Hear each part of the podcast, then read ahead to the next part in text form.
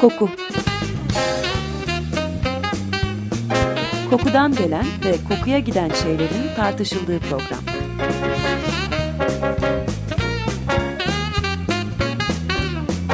Hazırlayan ve sunan Vedat Ozan Merhaba ben Vedat Ozan. Bir koku programına da hoş geldiniz. Efendim parfüm reklamları neredeyse istisnasız diyebileceğimiz bir şekilde şu mesajın altını çizerler. Kullanıcının o parfümü kullanması karşı cinse yönelik bir çekim sağlamak gibi önemli bir sosyal görevi yerine getirmesine yardımcı olur. Yani o kokuyu sürünen birisi hiç tanımadığı bir karşı cins için o kokuyu kullanmayan birisinden daha cezbedici olur. Bu çekim olayının o kokulu süreç içindeki gelişimine bakmadan önce açılışına dikkat etmek gerekir. Yani en önemli unsur ilk intiba veya ilk izlenim açısından kullanılan kokunun önemi nedir? Elbette reklamcılar iddia ederler hatta biz de bunu doğru kabul ederiz. Ama bunu yaparken de acaba doğru mu yaparız? Bizden yayılan kokunun karşı tarafın hafıza bankasında mevcut hoş anları tetikleme olasılığını inkar etmiyoruz. Ama acaba her koşul ve bağlamda parfümler bu ilk intiba, ilk izlenimi oluştururken gerçekten ve olumlu anlamda işe yararlar mı? Purdue Üniversitesi'nden bir grup bilim insanı da bu varsayımı test etmek istiyorlar. Yani parfümler hoş olduklarından dolayı onları kullanan karşı cinsle ilgili bizde oluşan ilk intiba hep pozitif midir diye bir bakalım diyorlar. Deneye katılanlar Purdue Üniversitesi'nde okuyan öğrenciler ve hepsi de erkek. Bu muhteremler kendilerine verilen randevuya geldiklerinde kendilerinden başka bir de genç hanım olduğunu görüyorlar odada. Bu genç hanımlar da tahmin edebileceğiniz gibi araştırmacıların ekibinden. Odada mevcut her iki kişiye de yani hem genç erkeğe hem de genç kadına bunun bir araştırma olduğu, araştırmanın konusununsa yeni karşılaşılan bir insanla ilk izlenimin nasıl oluştuğunu incelemek olduğu söyleniyor. Görüşmeci bu araştırmayı yapmak için her ikisine de bir seri soru soracağını, bu sorulara verilen cevapların da odadaki diğer kişi üzerinde nasıl bir izlenim bıraktığının saptanmaya çalışılacağını açıklıyor. Fakat dikkat etmişsinizdir olay sorular ve cevaplar üzerinde dönüyor gibi açıklanıyor ve kokudan bahsi bile yok. Her soruya önce deney ekibinden olan genç hanım cevap veriyor. Verdiği cevaplarda önceden hazırlanmış ve ezberlenmiş basit, sıradan ve çelişki yaratmayacak türden cevaplar. Mesela ilk soru olan neden başka bir üniversiteyi değil de Purdue Üniversitesi'ni seçtiğinize verilen cevap tüm cevaplayan hanımlarda valla pek bilmiyorum birden fazla neden var sanırım. Evime yakın ve bu sayede hafta sonlarını evimde geçirebilirim. Aynı zamanda bu okulun iyi bir şöhreti var. Üstelik pek çok arkadaşım da burada okuyor. Bütün bunların bir araya gelmesi bu okulu seçmeme sebep oldu şeklinde oluyor. Daha sonra gelen 3 soruya yani kariyer planlarınız nedir, hobileriniz nelerdir ve Amerika'nın şu andaki en ciddi problemi sizce nedir sorularına da gene bütün genç hanımlar hep aynı şekilde kafa karıştırmayacak tek düze ve basit cevaplar veriyorlar. İlk soruyu genç hanım yanıtladıktan sonra hemen ardından da onun yanı başında oturan genç erkekten cevap alınıyor. Bu kısa soru seansı bitince de hem kız hem de çocuk ayrı odalara alınıyorlar ve onlara verilen özel bir form kağıdı üzerinde bir diğeri hakkındaki ilk izlenimlerine ilişkin soruları cevaplıyorlar. Bu form kağıdında partnerlerinin 20 değişik boyut açısından değerlendirmelerini sağlayacak sorular var. Bunlar mesela dürüstlük, sıcak bir insan olmak, utangaç veya girişken olmak falan gibi değerlendirmeler. Tabii çekici veya bakımlı olup olmadıkları da yer alıyor bu soruların içinde ve ayrıca onlardan hoşlanıp hoşlanmadıklarının sorulması da atlanmıyor. Deneyin bu sorulara verdikleri cevaplar tüm deneyin sonuçlarının da bel kemiğini oluşturuyor. Değerlendirmeler için 7 ölçekli bir seçim sunuluyor kağıtta. Mesela çekici buldunuz mu sorusunun cevabının bir ucunda hayır hiç çekici bulmadım yer alırken öbür uçta evet çok çekici buldum şıkkı yer alıyor. Tabi her ikisi de ayrı odalara alınıyorlar ama genç hanımlar zaten deney ekibinden olduklarından onlardan bu formu doldurmaları istenmiyor ve erkeklerin vereceği cevaplar üzerine odaklanılıyor. İyi de koku nerede bu deneyde? Meraklanmayın zaten amacı kokunun etkisini çözmek olan bir deneyde koku olmaz olur mu? Koku var bu deneyin içinde ancak deneyin beklentisine koşut olarak varlığı gizli. Sözde mülakatlar başlamadan önce odada erkekleri karşılayan olan hanımların yarısının kulaklarının hemen arkasına ikişer damla Coty'nin çok da saldırgan olmayan Jungle Gardenia isimli hafif çiçeksi parfümü damlatılıyor. Kızların yarısı ise hiç koku sürünmüyorlar bu deney sırasında. Parfümün kokusal profilinin zaman içinde üst kalp ve baz notalar olarak değişken bir seyir izlemesinden dolayı bütün deney aynı gün yapılmıyor. Çünkü aynı hanım bir deneye kokuyu ilk sürdüğünde başka kokabilir, bir saat sonra görüşmede beraber bulunduğu bir başka deneye farklı kokabilir. Bu nedenle görüşmeler parfümün kokusal profilinin yaklaşık benzerlik gösterdiği bir zamanda yapılıyor ve bunun için de bazı görüşmeler mecburen ertesi güne sarkıyor. Bu programın dinleyicileri zaten bir parfümün koku piramidini biliyorlardır ama aramıza yeni katılanlar için ben hemen gene kısaca açıklayayım. Bir parfüm 3 farklı zaman ve koku boyutundan oluşur. Hafif moleküllerden oluşan ve bizim satın alma kararımızı çokça etkileyen üst notalar sıkılmasıyla 25-20-25 dakika sonrasına kadar süren bir koku seyri izlerler. Bunun ardından yani ilk 25 dakikadan sonra ile 60 dakika arasındaysa parfümün kalbi dediğimiz ve parfümörün o parfümü yapma sebebi olan kokusal kompozisyon kendini belli eder. Yaklaşık 60 dakika sonra ise moleküler ağırlığı yüksek olan bu nedenle hem kendi gibi kokan hem de hemen üzerindeki kalp notaların kalıcılığını arttıran bazı notalar devreye girerler. İstisnai durumlar yani bu piramidin söz konusu olmadığı lineer parfümler hariç bütün parfümlerde durum böyledir. Bu nedenle de süründüğümüz parfüm bir saat sonra farklılaşabilir. İyi bir parfümde bu katmanlar arasındaki koku farkının yumuşak bir geçişle gerçekleşmesi ve mesela üst notalar Hanya'yı gösterirken kalp notaların Gonya'yı göstermemesi lazım. Gene de bu uyumlu olması gereken geçiş doğru planlanmış bir parfüm formülünün zaman geçtikçe kokusunun değişmesinin önünde engel değildir. Süreye bağlı olarak kokuda farklılıklar olabilir ancak bu farklılıklar zigzag çizmemeli ve sürdüğümden ne kadar farklı kokuyor bu parfüm dedirtmemelidir kullanıcıya. Hop diyelim ve konudan azıcık uzaklaşan bir parantez açalım burada. Az önce üst notalar Hanya'yı gösterirken kalp notaların Gonya'yı göstermemesi lazım dediğimde Konya değil Gonya dedim farkındaysanız. Çünkü bu yer isimlerinin ikisi de yani Hanya veya Çanya'da Gonya'da aslında Girit adasından bölge isimleri ve bizim iç Anadolu'muzdaki Konya ile o Gonya'nın bir ilgisi yok. Gonya esasen Hanya'ya 25 dakika mesafede bir manastır. 1645 yılında Osmanlı orduları Gonya Manastırı'nın yanına çıkarma yapıyorlar ve önce Ayatodori'yi sonra da Hanya'yı 2 aylık bir kuşatmadan sonra ele geçiriyorlar. Hanya'yı alıyorlar ama adanın hepsini ele geçirmeleri için daha fazla süre gerekiyor. Neden oluyor peki bunlar? Efendim Osmanlı Sarayı içinde mutlak amir olan astığı astık, kestiği kestik, kızlar ağası Sümbül Ağa padişahın çok itimat ettiği bir isim. Ancak bu Sümbül Ağa zaman içinde aşırı açgözlülüğünden dolayı padişahın gözünden düşüyor. Gözden düşünce padişaha yalvararak kendisini affetmesini ve izin verirse ömrünün son yıllarını Mısır'da geçirmek istediğini dile getiriyor. Bu yalvarma karşısında Sultan İbrahim de büyük hizmetlerini gördüğü Sümbül Ağa'nın gitmesine izin veriyor. Bu arada laf aramızda Sümbül Ağa muhteremin serveti Mısır eyaletinin 5 yıllık vergisine eşit. Yani cukka sağlam muhteremde. Ağa hiç vakit kaybetmeden İstanbul limanında anlaştığı İbrahim Çelebi'nin iki katlı kalyonla 50 kadar güzel cariye, birçok köle, Arap atları, silahlı muhafız ve sandık sandık altını dolduruyor. Bundan başka Mekke kadısı Mehmet Efendi ile bir takım müstakbel hacıları da yanına alıyor. Gerçi padişah izin vermiş ama gene de belli olmaz sağa solu ne olur ne olmaz deyip kellesinin gideceği korkusuyla İstanbul'dan bir an evvel ayrılmak telaşından bu serveti yanına alıyor da kalyonuna dört toptan fazla koydurmuyor Sümbül.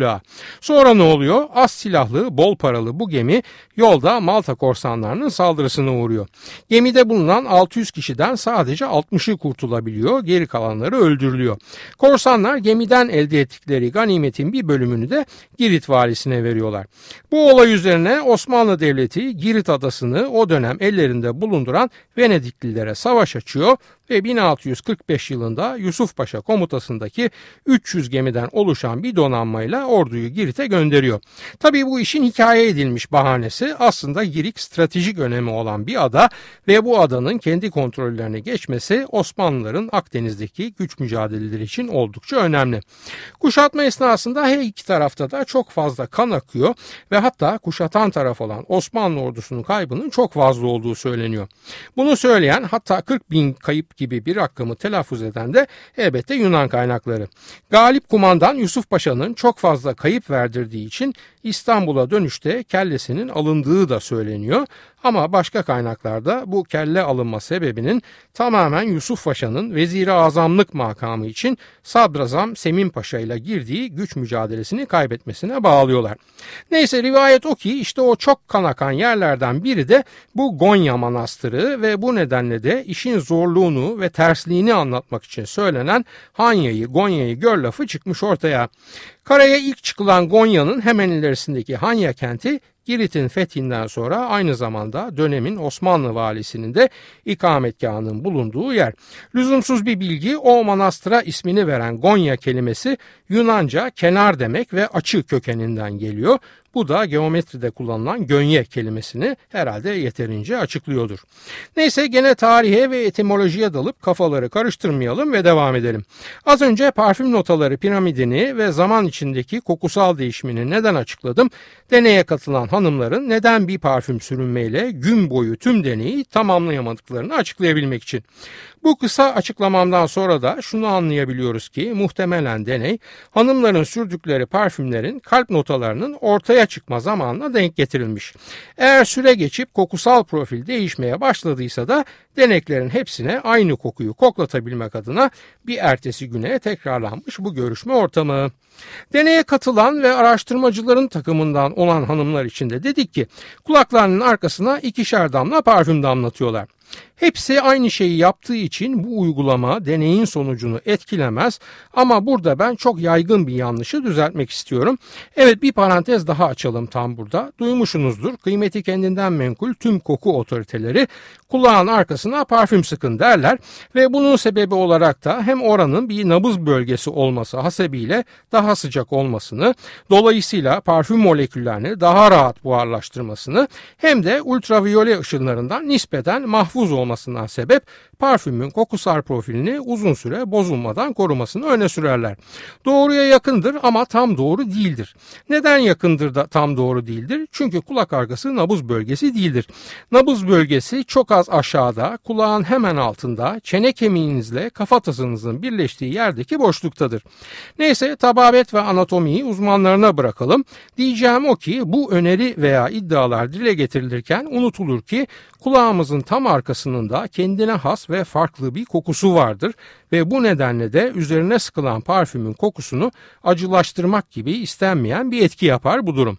Bahsedilen kulak arkasında ve aslında tabii bütün vücudumuzda İngilizcesiyle sebaceous glands, Türkçesiyle sebase bezler denilen yağ üreticisi becerilerimiz vardır ve burada üretilen yağlarda nispeten kapalı olan kulak arkası bölgeye kolayca yerleşen bakterilerle kaçınılmaz olarak etkileşime girerler. Bu etkileşim sonucunda da aynı koltuk altındaki terin bakterilerle reaksiyonunda ortaya koku çıkması gibi ama asla o koltuk altındaki apokrin bezelerinden salınan terin bakteriyle buluşmasına benzemeyen bir koku çıkar ortaya. Zaten parmağınızı hafifçe kulağınızın arkasında önce hafif bastırıp dolaştırır sonra da koklarsanız çok hafif de olsa sizin vücudunuza özgü doğal kokunuzun bu bölgede nasıl çaktırmadan mevcut olduğunu bizzat kendiniz fark edebilirsiniz. Bu ter kokusu kadar rahatsız edici olmayan doğal koku parfümünüzün kokusal profilini haliyle etkiler ve emin olun bu etkileme olumlu yönde olmaz. Çok yaygın yapılan bir hatadır bu ve gerek malumat furuş muhteremler tarafından gerek parfüm reklamı filmlerinde bile cayır cayır tekrar edilir durur. Doğru yer kulak memesinin hemen alt tarafıdır. Zinhar komple kulağın arkası değildir. Kokunun uygulanacağı yerle ilgili araya sokuşturduğumuz bu parantezi de kapattıktan sonra kısa bir kahve molası verelim devam etmeden önce müsaadeniz olursa. Alexey Balemanov'un Koşegar filminin müziklerinden birini Didulia'dan dinliyoruz Russian.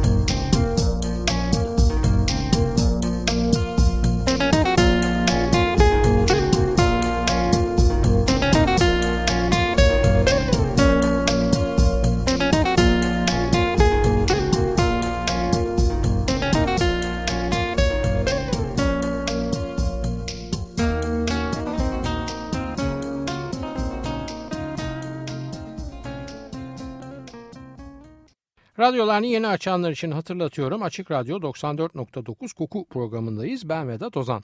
Alexey Balabanov'un Koçegar filminin müziklerinden birini Didulia'dan dinledik Russian. İlk bölümün sonunda daldığımız parfüm uygulama diskurunu fazla uzatmayıp şimdi dönelim biz deneye.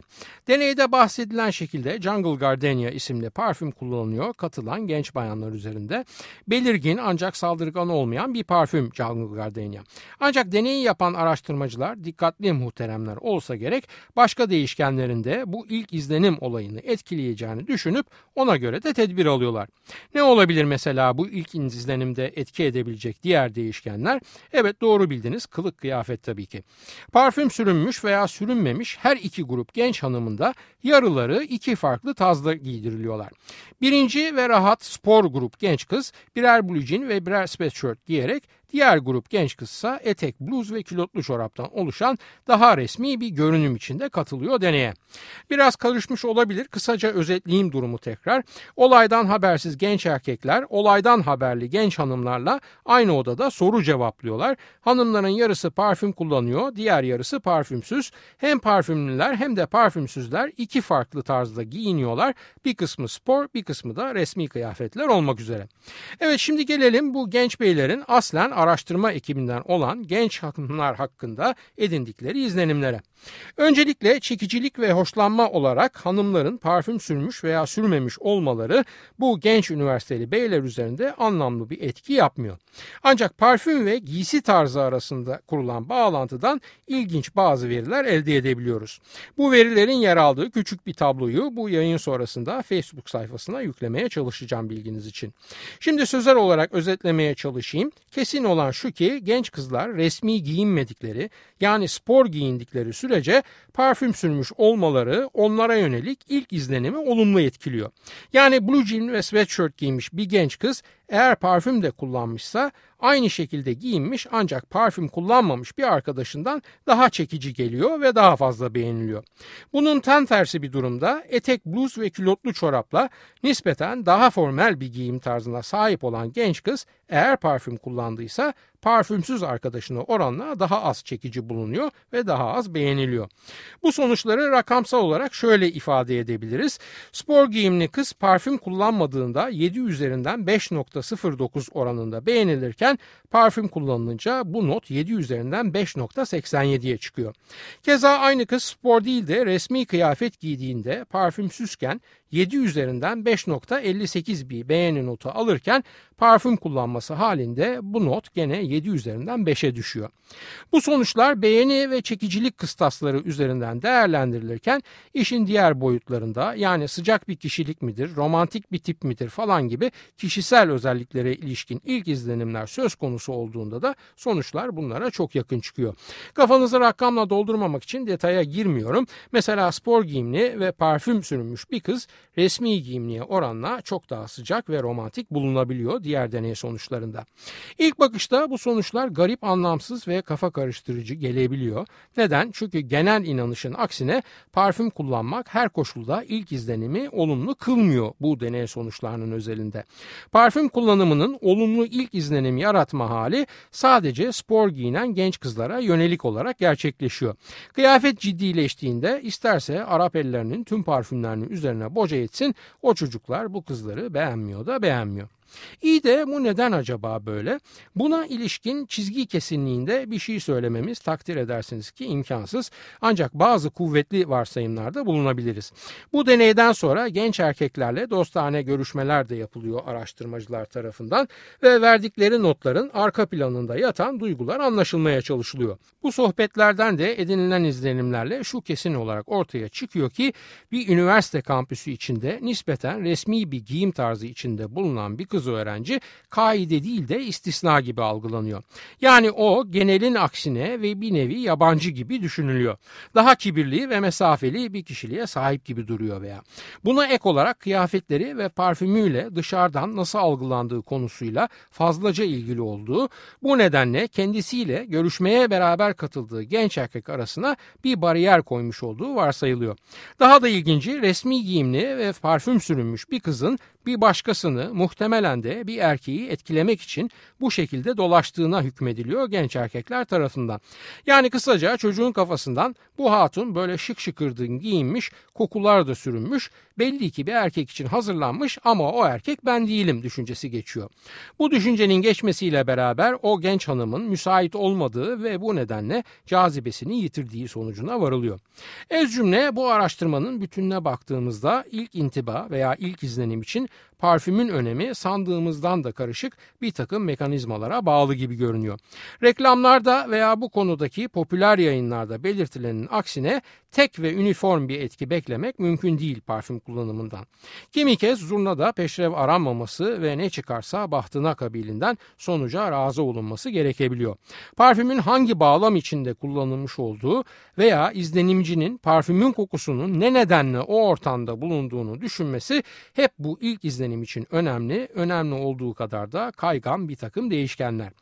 Gene de bu çalışma sadece bu karmaşıklığı veya bir başka deyişle etkiler zenginliğini dile getirmekle kalmıyor ve bize iki önemli ipucu daha veriyor. İlki eğer koku konusunda salt bu duyuyu ilgilendiren bir araştırma yapacaksanız bu araştırmayı yaptığınız ortamın ve dahi deneklerin son derece sıkı kontrol altında olmaları ve laboratuvar koşulları dışında uyaranların bu duyusal değerlendirmeye dahil edilmemesi lazım.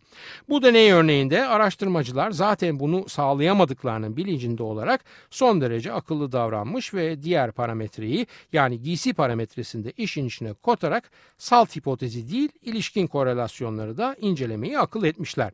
İkinci önemli bulgu da şu eğer koku akıllı ve planlı bir şekilde kullanılırsa hem varlığı hem de yokluğuyla başarılı bir izlenim yönetimi sağlanabilir ve insanlar bu duyu vasıtasıyla önceden belirli bazı davranış biçimlerine yönlendirilebilirler.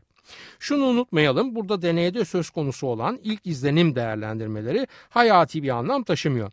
Peki bunun farklı bir versiyonunu düşünsek yani bizimle görüşen kişi üzerinde bıraktığımız izlenimin kaderimizi etkileyecek bir izlenim olduğu durumları mesela. Yok mu böyle durumlar? Var elbette. Yani demem o ki bırakalım hoşlanmaktı, çekimdi falan gibi romantik değişkenleri acaba mesela bir iş başvurusu durumu söz konusu olsa ve burada işe başvuran kişi de biz olsak ne olur? Sadece karşı cinsi etkileme çabasının ilerisine bir yere taşınsa parfüm kullanımı biz buna hazır olur muyuz? Parfüm kullanımı işin kendi niteliğinden tamamen bağımsız olarak iş başvurusu görüşmesinde işe girip girmeme durumumuz üzerinde söz sahibi olup meslek kaderimizi etkileyebilir mi? Tahmin edebileceğiniz gibi bu da başlı başına ilginç bir konu. Ancak ben bana kızmayacağınızı umarak bu konuyu anlatmayı ileriki haftalardan birine bırakıyorum. Çünkü süremizin sonuna geldik bile.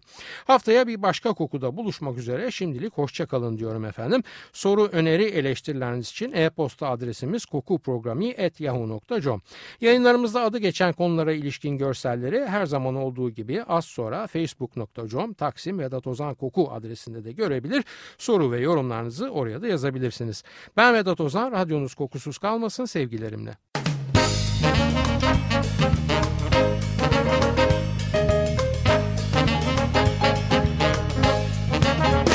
Koku Kokudan gelen ve kokuya giden şeylerin tartışıldığı program.